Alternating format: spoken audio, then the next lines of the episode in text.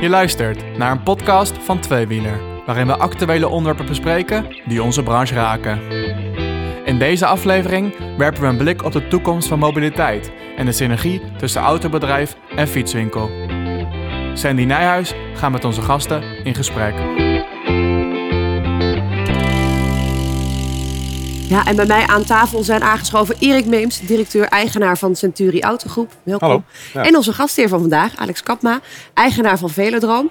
Dank dat wij eh, hier in jouw eh, mooie winkel mogen zijn.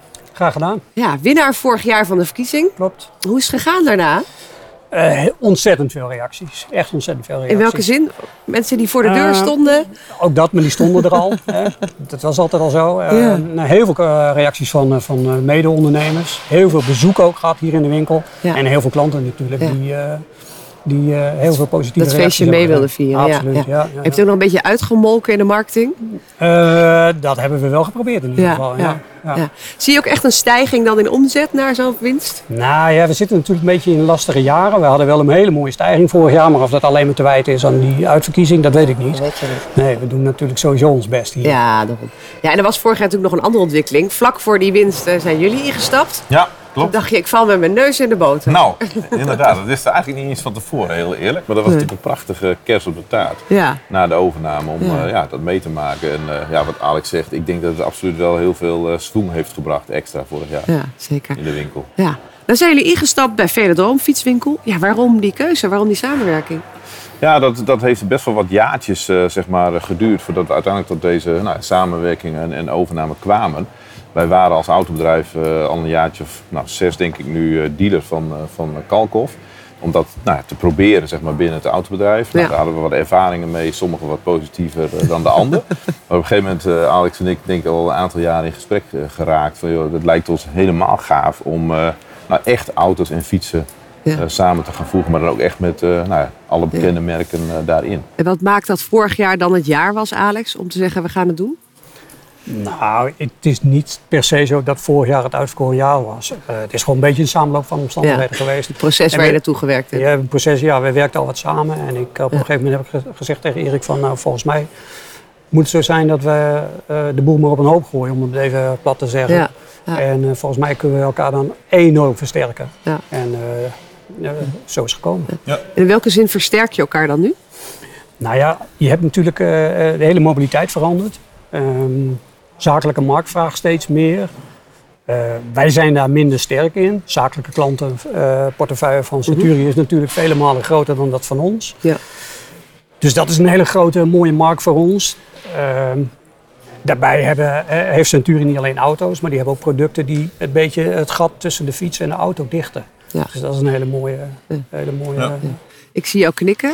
Zelfde voordelen of voor jou ook nog een ander perspectief eh, wat je brengt? Nou, met name die synergie op de zakelijke markt. En dan wel ook de, de kennis van, van nou, ik noem het even de fietsenwereld eh, in Ja. huis halen. Want eh, de- de- voor alle helderheid, de autobranche en de fietsenbranche zijn echt wel twee totaal verschillende branches. Daar kom je Ja. dan ook achter na, hè, nadat je zo'n overname hebt gedaan. Ja. Dus wij zijn heel blij met die kennis. Wij hebben inderdaad natuurlijk een groot zakelijk eh, netwerk eh, waar we nu echt ook al volop mee aan de gang zijn om daar zoveel mogelijk fietsen eh, weg te zetten. Ja.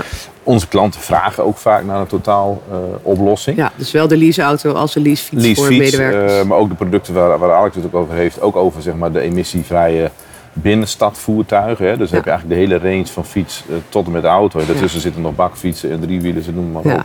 En wij kunnen dat nu, eh, nu bieden. En daarnaast, de synergie zit ook wel echt in de dagelijkse eh, samenwerking. Van, joh, hoe kunnen we nog een actie doen als het gaat om... eh, ik doe nog wat auto's kwijt, Alex moet nog wat fietsen kwijt. Laten we dat eens combineren. Dan kun je halen, betalen. Of zo. Bijvoorbeeld. Ja. Kun je zomaar gratis auto rijden. Ah, als je een fiets koopt. Vind ik Ja. wel een goede deal. Ja. Ja, dat hebben we bedacht. Dus, Dat hebben we nu. eh, En de flyer ligt al heel subtiel op tafel Ja, inderdaad. Als je kijkt naar, naar jouw originele klant, dan zegt Alex, de fietswinkel klant. Wat is voor hun, wat merken zij van die samenwerking? Eh, nou, de gemiddelde klant voor mij was best een beetje sceptisch, eerlijk Waarom? gezegd, in het begin. Omdat ze bang waren dat de identiteit zoals, ik hem, zoals zij altijd gewend zijn van de winkel en de intimiteit met name, omdat dat zou verdwijnen. Ja, Ehm, dus er waren best wel een aantal eh, mensen die, daar, eh, die tegen me zeiden van, ik weet niet of je er goed aan doet om dat Nee. te doen. hoe heb je dat Ehm, gepareerd dan? Nou ja, er is hier eigenlijk intern heel weinig veranderd. Ja. Dus, dus eh, die intimiteit en de gezelligheid en de gasvrijheid en de service en, en, en die we bieden, ja, dat is alleen maar, Ja. eh, dat kan ik alleen maar vergroten eh, door die samenwerking.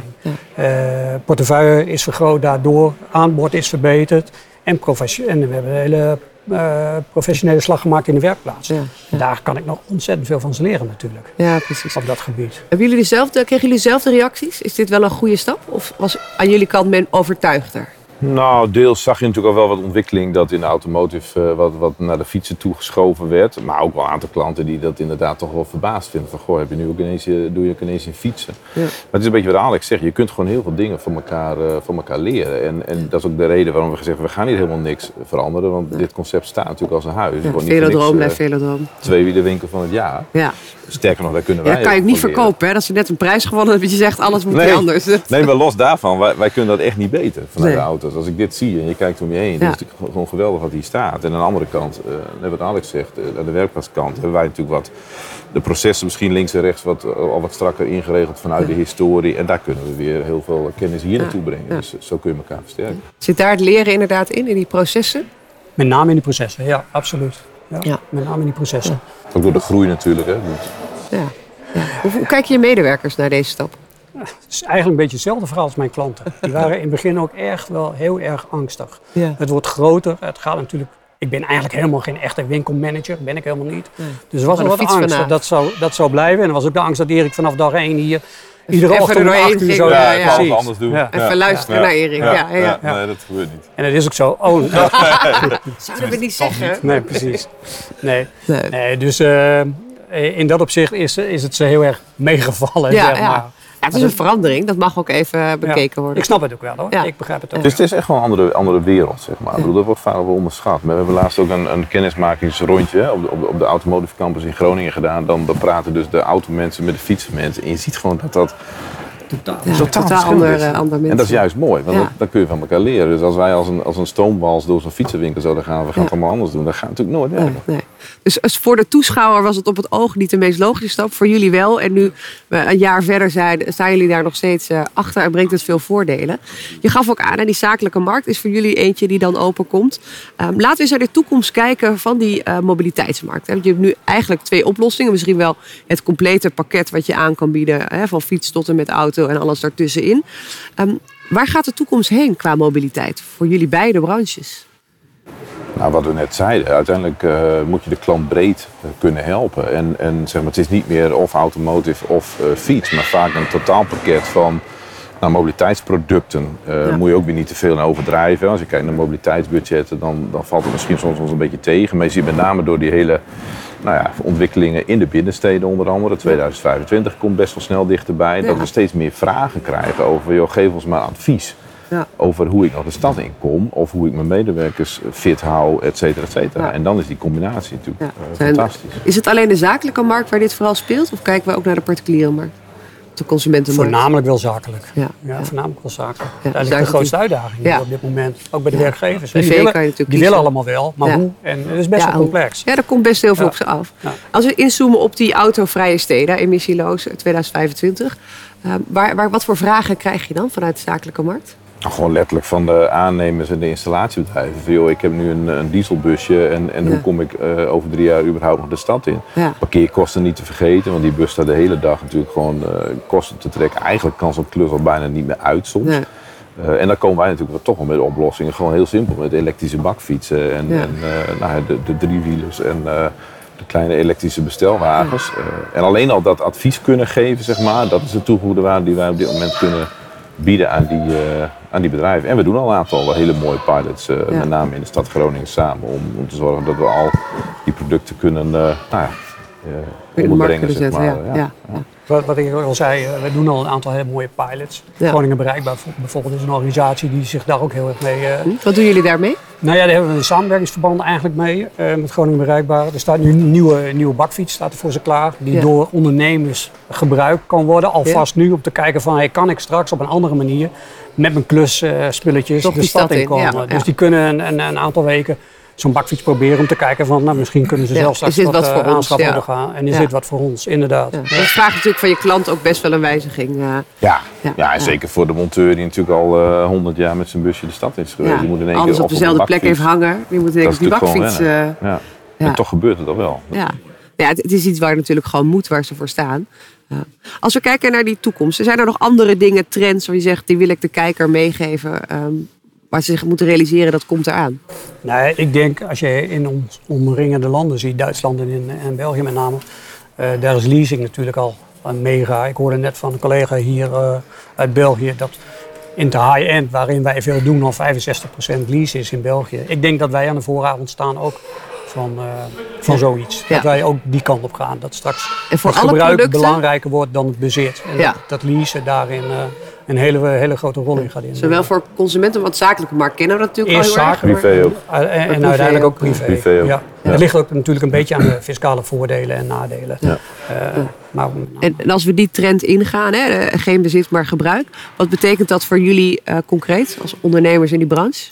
Nou, dat we veel meer, eh, ik zeg wel eens bank spelen soms in plaats van eh, dat we een verkopende partij zijn. Als je kijkt naar automotive, eh, dat is natuurlijk maar een heel klein deel, een heel klein percentage wat überhaupt nog koopt tegenwoordig, zowel zakelijk als, als particulier.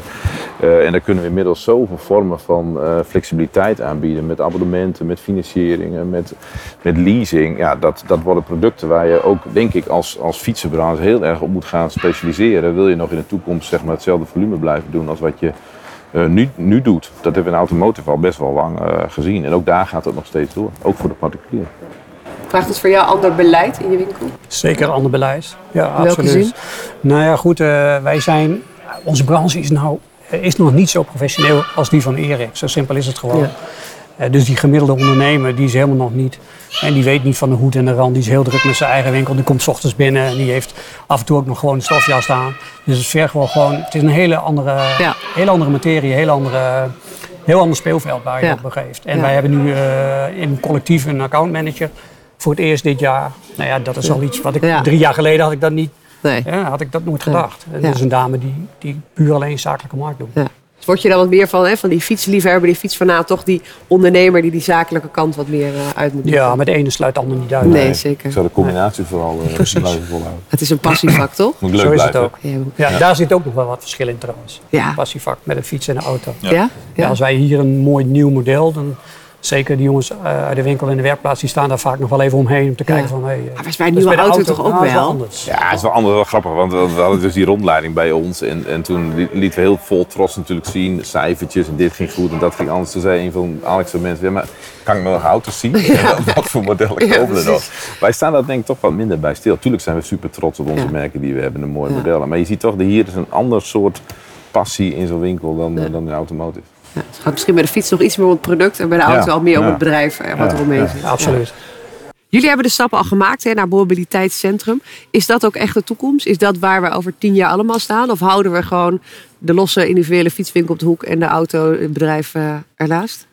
Nou ja, laat ik zo zeggen, ik blijf erbij. Het zijn twee verschillende werelden. Zeker als je kijkt naar de- klantgroep, de klantsoort. Wij zijn dan wel nu bezig om te kijken, of kunnen we niet toch een mobiliteitscentrum echt letterlijk tussen de auto's en de fietsen in eh, gaan ontwikkelen, waar we dus dat brede pakket aan kunnen bieden. En van daaruit gaan we dat eerst maar eens proberen. En dan eh, kijken we wel over eh, een paar jaar of dat succesvol Ja. is of, eh, of niet. Ja, precies. Het eerste jaar zit er eh, ongeveer bijna op. Wat eh, brengt de komende vijf jaar voor jullie? In, het beg- in het begin, eh, of een jaar geleden, eh, rond deze tijd, zei Erik van, nou, het duurt eerst drie jaar voordat we aan elkaar gewend zijn. dus we moeten eerst die komende twee jaar nog nog door, en dan ja. zie ik dan wel. Ja, oké. dan, eh, je gaat nog even twee jaar Erik leren kennen. Precies. Ja, Erik, je hebt dezelfde plannen over... Nou ja, deels. Het is een beetje bescheiden natuurlijk, maar we zijn Ja. wel degelijk met heel veel mooie innovaties al bezig. Ja. En eh, daar gaan we eerst maar eens aan werken. En eh, voorlopig blijft dit mooi de winkel en voorlopig blijft de auto's mooi de winkel. Ja. En alles wat we nog meer kunnen samen doen, ga- gaan we doen. Jullie blijven allebei in je kracht staan en versterken elkaar daar waar nodig. Absoluut. Goed, dankjewel heren.